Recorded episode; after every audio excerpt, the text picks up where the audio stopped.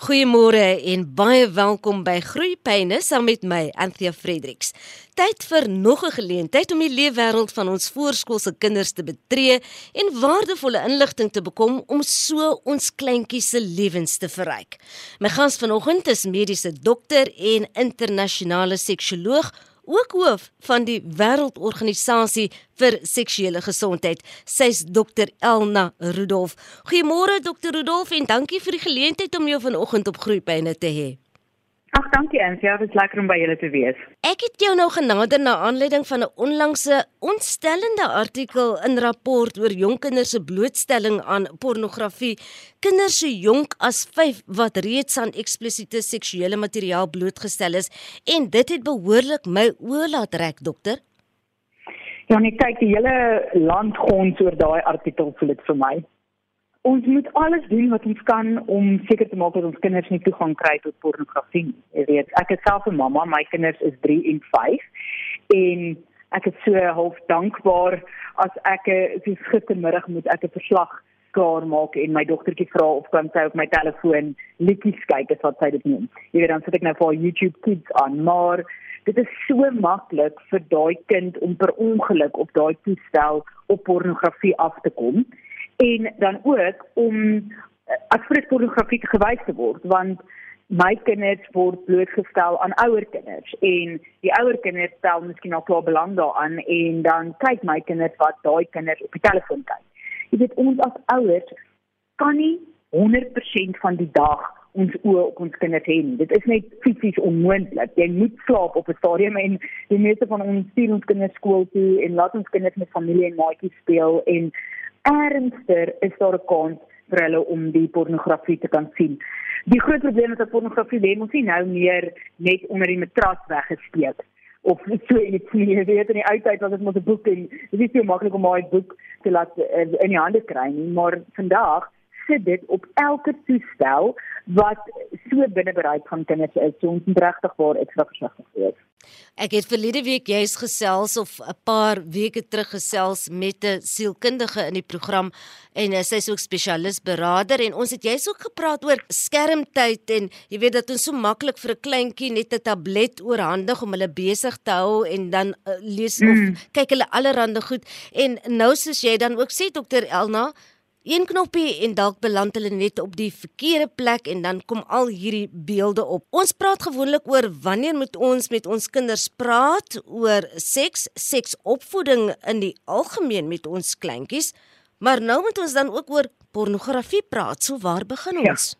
Ek het toe hierdie storie uitkom in 'n rapport toe sit my 53 jarige in die bad en ek praat sommer dadelik met hulle oor pornografie. Dit het nou nog nooit by my opgekom dat ek met hulle oor pornografie moet praat nie. Jy weet, ek is vreeslik gestel daarop dat hulle die korrekte name vir die genitalie moet ken en die rede daarvoor is dat daar baie navorsing is om te wys dat wanneer kinders die korrekte name ken, is hulle kans om seksueel mishandel te word eintlik laer.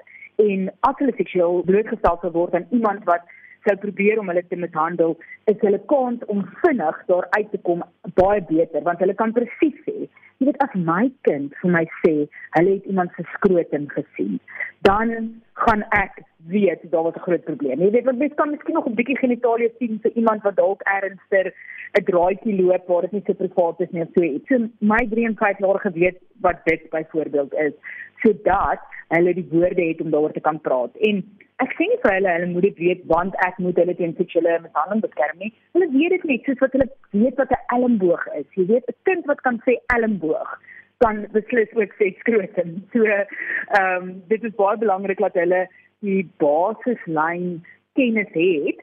Hulle weet glad nie presies wat seks is nie. Hulle is heeltemal te klein vir dit. Maar wat ek vir hulle gesê het nou as 'n voorbeeld is ek het vir hulle gesê partykeer kyk mense na prentjies of video's van kaal mense wat vry. Dis wat ek gesê het. En 'n mens noem dit pornografie. En pornografie is baie sleg vir 'n kind se brein. Dit maak kindertjies se brein siek. Is my wat ek wil sê, jy weet, want hulle het nog nie baie goeie konsep van die impak op die neuroplastisiteit van hulle brein nie. So ek gaan op nie so met hulle praat. Jy weet, ek sê net maak hulle brein siek. En toe uh, is my dogtertjie se vraag, O nee, wat doen mense as 'n kindjie se brein siek geword het? Dis verduidelik vir hulle dat daar iets is so spelterapie, die kinders gaan na tannie toe wat uh, sekere speletjies met hulle speel om hulle dan te help om hulle breine gesond te maak. So jy weet kinders het interessante vrae. Dit is 'n goeie voorbeeld van jy weet ons as ouers dink uh, my jy jou kind gaan nou sê, "Ouma, hoekom is hulle kaal?" Maar dit is nog glad nie wat hulle wil weet nie. Hulle wil nou weet jy weet hoe word 'n kind se brein gesond. Maar toe nou verduidelik ek vir hulle dat dit is regtig baie sleg vir jou brein. Dit gaan jou brein siek maak as jy aan pornografie blootgestel word. So jy moenie as iemand vir jou prentjies wil wys van kaal mense of as jy 'n video sien van kaal mense wat vry dan moet jy sê nee dankie jy wil nie daarna kyk nie dit gaan jou brein siek maak of jy moet dadelik vir mamma kom sê of jy weet jy moet dadelik die foon omdraai en neersit of so iets jy weet jy gee hulle dadelik 'n praktiese manier om uit te kom want uh, jy weet die kind word aan blootgestel sonder dat hulle al ooit geweet het dat dit eers bestaan baie van die ouers wat hy luister sal kan weet wat gebeur het byvoorbeeld toe hulle begin menstrueer het en iemand het ooit met hulle gepraat en daai skrik wat hulle getry het van o, gits my hier gebeur iets groot nou met my en ek weet nie wat dit is nie. Waar as jy 'n kind vooraf voorstel aan die inligting daar rondom, dan weet hulle, o, okay, dit is hierdie en ek weet iemand het my al gepraai oor hoe moet ek reageer. As ek oor die straat loop, moet ek links reg links kyk. Jy weet, as ek blootgestel word aan kaal mense wat vry, dan moet ek myself uit die situasie verwyder. Ek dink dit is baie eenvoudige praktiese raad wat ons vir ons kinders kan gee. Kyk, ek gaan nie alle ponddoetstelling stop nie. Dit is onmoontlik, maar ten minste is dit 'n manier om ons kinders te beskerm. Ja, natuurlik en ook dan die balans wat handhaaf moet word tussen 'n gesonde seksuele verhouding tussen twee mense, soos byvoorbeeld ouers, ja. want kleintjies weet ma soen vir pa en hulle sien dit ja, ja, ja. en en dis 'n gesonde beeld vir 'n kind. Ja. Ja, my kinders ek weet ek gebruik nie die woord seks wel hulle natuurlik word hulle blootgestel aan die woord seks want hulle is in my omgewing en mense praat gereeld met my oor seksuele gesondheid. Jy weet natuurlik nou nie eksplisiete seksuele praatjies nie, maar jy weet so ek ons praat van vry want dan weet dit nie net gewone toe nie, dit is dit is vry. Eh, jy weet Afrikaans is 'n lekker woord vir vry, nê. Nee. Maar ons het glad nie 'n seks negatiewe uh, uitkyk in ons gesin nie. Uh, jy weet daar word niks ooit negatiefs oor genitalie gesê nie. Daar word geen skaamte of skuld aan genitalie gekoppel nie en so ook nie aan seksuele gedrag nie. So jy weet hulle weet dit is 'n goeie ding om te vry, maar mamma en pappa doen dit in privaatheid en ons doen dit nie vir ander mense nie en dit is vir groot mense en so aan. Jy weet dit is dit is wat jy sê net wil nie net sê alles rondom seksualiteit is vies, gag, baie lelik nie en verkeerd nie. Want die realiteit is, 'n kind wat nog nie in puberteit is nie, reg nie seksuele waarde aan dit wat wat hulle sien nie. Maar as hulle aan puberteit slaan, dan reg hulle seksuele waarde aan, jy weet dan kom hulle agter hoe hierdie signaal vir my uh opgewondenheid in my maagie of hulle voel dit self in hulle genitalie en as hulle dan begin vry en so kom hulle agter, "Ag, oh, maar hierdie is so lekker en hulle wil meer daarvan hê, maar jy het hulle die hele tyd gesê dit is sleg en verkeerd. Al wat hulle dan doen is hulle sê vir hulle self o, jy as hulle ouer is duidelik nie 'n bron van uh, betroubare inligting oor hierdie onderwerp nie. Ek gaan elders gaan vir my inligting. Google, my ouer vriende, jy weet enige ander plek wat vir hulle dan nou nie jou waardige gronde inligting oor uh, seksualiteit gaan gee nie. Dokter Elna, dis so 'n belangrike punt wat jy daar ophal en hoe groot verantwoordelikheid ons as ouers het. Maar as ons self groot geword het in 'n omgewing of binne 'n gesin waar seks amper 'n taboe onderwerp is, hoe verander ons dan nou daardie siklus met ons kinders? Waar begin ons? Ek dink 'n goeie plek om te begin is om uit die slaapkamer te kyk op televisie. Jy weet op via op uh, kanaal 147 het ons nou elke woensdag aand 'n program met die naam uit die slaapkamer. Dit is ek en Neels van Jaarsveld, Bianca Legrandsie en Adri Bewe. En ons praat oor enige ding wat met seksualiteit te doen het, maar op 'n respekvolle manier. Jy weet dit is 'n bietjie snaaks en dit is uh dit is uh, edutainment soos wat hulle dit noem. Maar elke week beantwoord ons twee vrae van ouers oor seksualiteit en ek dink dit is regtig waar 'n baie goeie manier vir ouers om net stelselmatig blootgestel te word aan akademies korrekte inligting rondom seksualiteit en te hoor hoe iemand daaroor kan praat sonder om te bloos. Want natuurlik, ek weet ek het al 'n meestersgraad in seksuele gesondheid gehad, dan het ek nog gebloos oor goed as ek vir pasiënte iets moet vra of iets moet sê wat my nou ongemaklik maak. So ek neem geen ouer kwaliek wat 'n bietjie ongemaklik is daaroor nie. Maar as 'n mens hoor hoe iemand anders gemaklik daaroor praat en met goeie inligting sit, want die ding is wat ons ouers gedoen het om net te sê sies gaf fyn lelik nie en verkeerd is nie goeie inligting nie. Nou het jy nie iets anders om vir jou kind te sê as jy weet moenie daaroor praat, moenie dit doen, moenie moenie moenie nie. Jy het nie iets beter as dit nie en dan is dit nou maar al wat jy kan doen. So maak seker dat jy jouself toerus en daar is oulike boeke en oulike websites wat ouers kan gebruik, maar al die televisieprogramme is 'n lekker gemaklike plek om te begin dink ek. Want wat kan gebeur is dat die verwronge indrukke wat ons kinders op 'n jong ouderdom kry oor seksuele gedrag, oor seksualiteit kan blywend wees en kan skadelik wees wat hulle met hulle in hulle volwasse lewens saamneem. Absoluut. Ons het nou laas week 'n uh, vergadering gehad van SASHA, dit is die Southern African Sexual Association in Sonibet Kaap en daar het hoeveel van die multidissiplinêre span bevestig dat 'n uh, streng geloofsgebaseerde opvoeding is die grootste risikofaktor vir seksuele disfunksie, groter as seksuele mishandeling. Kan jy dit glo? Dit is regtig so ons het data daaroor gepubliseer al wat wys dat hierdie ongelooflike negatiewe seksopvoeding wat baie keer binne in geloofsgebaseerde kontekste gebeur, doen skade dit berokken skade aan huwelike. En jy weet in enige geloof, ons Suid-Afrikaners, ek het nou hierdie week statistiek gehoor om eh, wat sê 82% van Suid-Afrikaners is gereelde kerkbywoners. Jy weet ons is maar baie gelowig diep in ons harte en huwelike vorm so 'n belangrike deel van ons geloofskultuur, as mense dit nou so kan noem.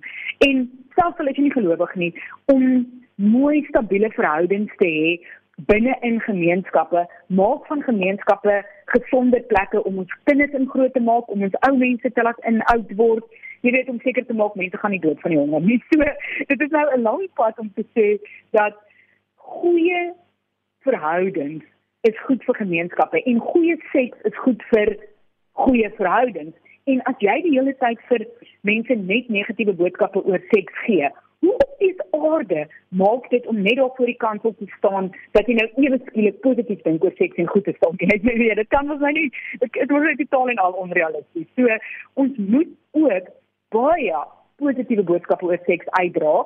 Natuurlik moet mense hulle seks beoefen binne in hulle geloofskonteks en volgens die morele waardes wat hulle kies om uit te lewe. Jy weet, so dit is glad nie 'n promovering van immoraliteit nie. Uh inteendeel eintlik die navorsing wys ook vir ons mense wat beter inligting oor seks het, het baie laer risiko gedrag as mense wat nie goeie inligting het nie. So jy beskerm jou kind met die goeie positiewe inligting wat jy eintlik vir hulle gee. Jy weet dit praat nie sommer net nonsens en opinies nie. Daar's so baie data agter die goed wat ons vir mense probeer leer. Dokter Elna, dit is so lekker om vanoggend met jou hieroor te kan gesels. Wat verstaan kinders wat so jonk is dan van die beelde waarmee hulle gekonfronteer word sou hulle blootgestel word aan pornografiese materiaal? Hulle verstaan nie eintlik wat dit is wat hulle sien die meeste van die tyd. En dan dit het so 'n groot impak op die plastisiteit van hulle breine. Wanneer 'n mens aan seksuele eksposite goed blootgestel word, word eintlik 'n klomp adrenalien in jou stelsel afgeskei. En daai adrenalien het 'n impak. En dit is nie net adrenalien nie, daar's allerlei ander uh, neurogene wat ook 'n rol speel, maar dit het 'n impak op hoe jou brein daardie spesifieke beeld stoor en hoe maklik jou eie brein dit dan weer gaan ophaal en hoe jou brein daardie beeld gaan staan en koppel aan 'n klomp ander goed. So dit is nie dieselfde as om 'n blommetjie te sien. Dit is nie nie. Jou brein heg ander waarde daaraan. Ek dink self vir my as volwassene om iets te sien wat dit my like as 'n vrou miskien in 'n situasie is wat nie kan uitkom nie. Dit stel my geweldig jy weet dit trigger my soos wat mense sal noem. So nou sien 'n kind hierdie beeld van hierdie vrou wat miskien jy weet want baie van die pornografie wat en veral hierdie goed wat so gratis beskikbaar is wat 'n kind dan per ongeluk sal kan sien. Lyk like, asof daar geweld by betrokke is. En ons weet wat is die impak van geweld op kinders se breinontwikkeling ook. So Nou sien die kind hierdie geweldige uh, ding wat vir hulle dalk geweldig lyk, maar dit lyk ook tog asof daar dalk so sinema 'n gesienery of iets by dit betrokke is. Hulle weet nie wat om sin daarvan te maak nie. En omdat seksuele goed en lywe nie iets is wat hulle met hulle ouers kan bepraat nie oor die algemeen, jy weet want dit is mos nou hulle privaatheid en hulle verkeerde plekkie en en sulke tipe van goed dit. Kan hulle dan ook nie na hulle ouers toe sê, "Jo, jy weet, ek het nou daar op die internet gesien hierdie oom het dit aan hierdie tannie gedoen. Wat doen hulle?" En en, en sodat jy dit nou mooi vir hulle kan verduidelik nie. Hulle sit dit daar in hulle breine en dan eh, die navorsing ook nou al vir ons gewys, dit maak hulle eintlik angstig want onsekerheid maak kinders met geweldig angstig. Dis hoekom struktuur en so belangrik is vir kinders.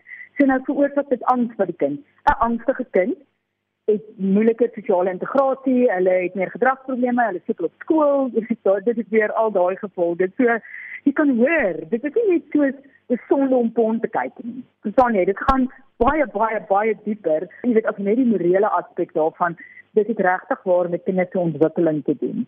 Dokter Elna, sou ek nou nou as ouer 'n baie goeie en oop verhouding met my kind het waar ons dan wel toepaslike seksopvoeding eh, toepas en met mekaar openlik kan gesels en my kind kom sê vir my, "Mamma, ek het nou dit gesien."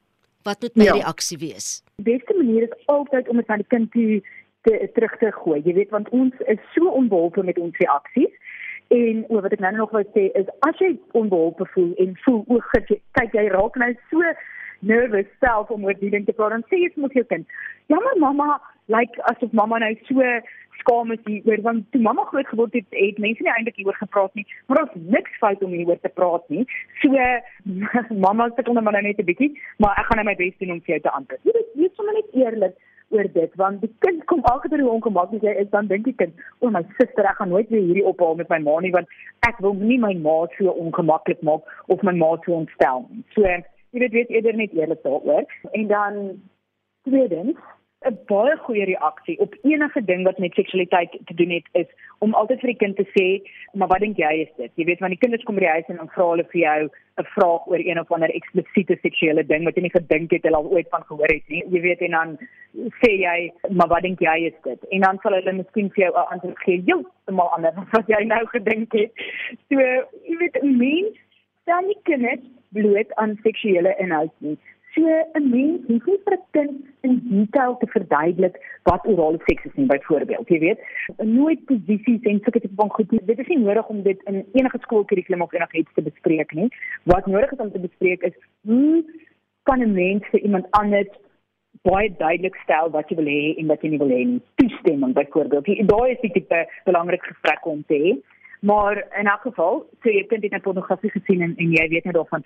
Dan kan jy eerstens vir hulle vra, wat het jy gesien? Dat hulle vir jou verduidelik wat dit is wat hulle gesien het. En dan kan jy vir hulle vra maar hoe dit jou laat voel en wat het jy daaroor gedink en wat dink jy het met daai vrou in daai situasie gebeur? En dan kan jy vir hulle vertel dat dit byvoorbeeld is soos, soos gewone TV in in ons familie praat ons nou van make believe jy weet. Dit is net make believe wat daar gebeur het. Dit is net 'n storie jy weet. So die tannie het nie regtig seer gekry nie of wat ook al. Jy weet so jy kan probeer om die om die ding vir hulle so goed as moontlik binne konteks te plaas en te verduidelik dat die mense daar binne eintlik veilig was of so, al het jy dalk self jou bedenkinge. Jy weet om om om te help om die trauma van die insident te verminder. Maar as jou kind al weer getraumatiseer is, dan moet jy die hulp van 'n professionele mens inwin wat met hulle kan spelterapie doen om hulle te help om die trauma te integreer want daar's baie goeie navorsing om te wys dat kinders wat getraumatiseer is tot baie ernstige langtermyn gevolge het en mens moet dit eerder so vinnig as moontlik so goed as moontlik probeer hanteer as om dit onder die mat in te vryf. Want jy weet ons Afrikaners is so goed om nie te sê wat ons bedoel nie, nie te bedoel wat ons sê nie en enige ding net onder die mat te probeer invryf. En jy moenie dit doen as jou kind aan pornografie blootgestel is. Hierdie gesprekke rustig, jy weet moenie die kind enigsins wat dink of glo dat hulle iets verkeerd gedoen het om daaraan blootgestel te wees nie. Dit is nie hulle skuld nie. Al sou hulle net al halfuur lank daarna gekyk het, dit is nie hulle skuld nie. Jy moenie met hulle daaroor raas nie. Jy moet net vir hulle verduidelik dat dit gevaarlik is en hulle in die vervolg miskien uit daardie situasie uit kan kom en asseblief tog maak seker dat hulle nie weer aan dit blootgestel word nie. Wie dit nou of wie dit as dit nou 'n ouer kind was, moenie laat hulle weer met daai kind kontak hê nie dis beter miskien raak in te ouers, maak seker dat jy weet dat raak nie ander kinders ook dan doodstel nie. So kyk wat jy kan doen om dit om dit in jou huis te hanteer en as jy self nie kan nie kry professionele hulp. En dan is ons miskien net iets wat wegbeweeg van pornografie, van eksplisiete beelde. Ons kinders word op televisie gekonfronteer dan ook met sagte pornografie as 'n mens dit ja. sou kan stel. Ja. Skraps geklede mense wat besig is om mekaar warm te vry soos jy vroeër gesê het Dr Elna. Ja, dit is onwettig om kinders aan seksueel eksplisiete materiaal bloot te stel. So jy sit onstaan met op TV te kyk wat seksueel eksplisiet is wanneer jou kinders by is nie. Finishing goal dit is die realiteit want eh, omdat die impak op hulle breine het jy weet so net moet jou kinders daarteen beskerm die impak van kool mense op kinders is nie eintlik so groot soos wat mense dink nie daar's baie kulture en gesinne waar kinders gereeld aan eksplisiete naaktheid blootgestel word sonder dat dit per se hulle traumatiseer. Maar dit is die dit is die seksuele interaksie. Kyk, jy kry nou natuurlik as jy net kry jy weet as jy nou 'n kol foto's sien van 'n man wat seksueel opgewek is, dit is baie seksueel eksplisiet. Maar dit is net mamas en papas wat kol vir hulle kinders rondloop en, en dit is hoe dit nog altyd in hulle huis was. Dit traumatiseer nie 'n kind nie. Maar die interaksie en dan natuurlik wanneer daar uh, jy weet wanneer dit vir die kind lyk asof daar moontlik geweld aan by betrokke is of hulle kan nie self 'n verduideliking vind vir wat hier aan die gang is nie dit traumatiseer kinders. So ter afsluiting, ons het vroeër gepraat oor of jy het vroeër gepraat Dr Elna oor wat moreel aanvaarbaar is in sekere gesinne in 'n verband tussen twee ouers binne 'n huwelik of as hulle dan nou ook saam bly met hulle kinders en dat seks 'n gesonde ding is tussen twee volwassenes wat liefde aan mekaar betoon as ons dit so aan ons kinders verduidelik. Wat gemaak as een van ons kleintjies op ons per ongeluk afkom? Wat sê ons dan vir hulle? So die eerste ding wat moet reg gebeur dat hulle dit nie doen nie, jy weet jy moet jou kamer deursluit. Jy moenie jou kinders aan seksueel eksplisiete materiaal deurstel nie insluit in jou eie seks.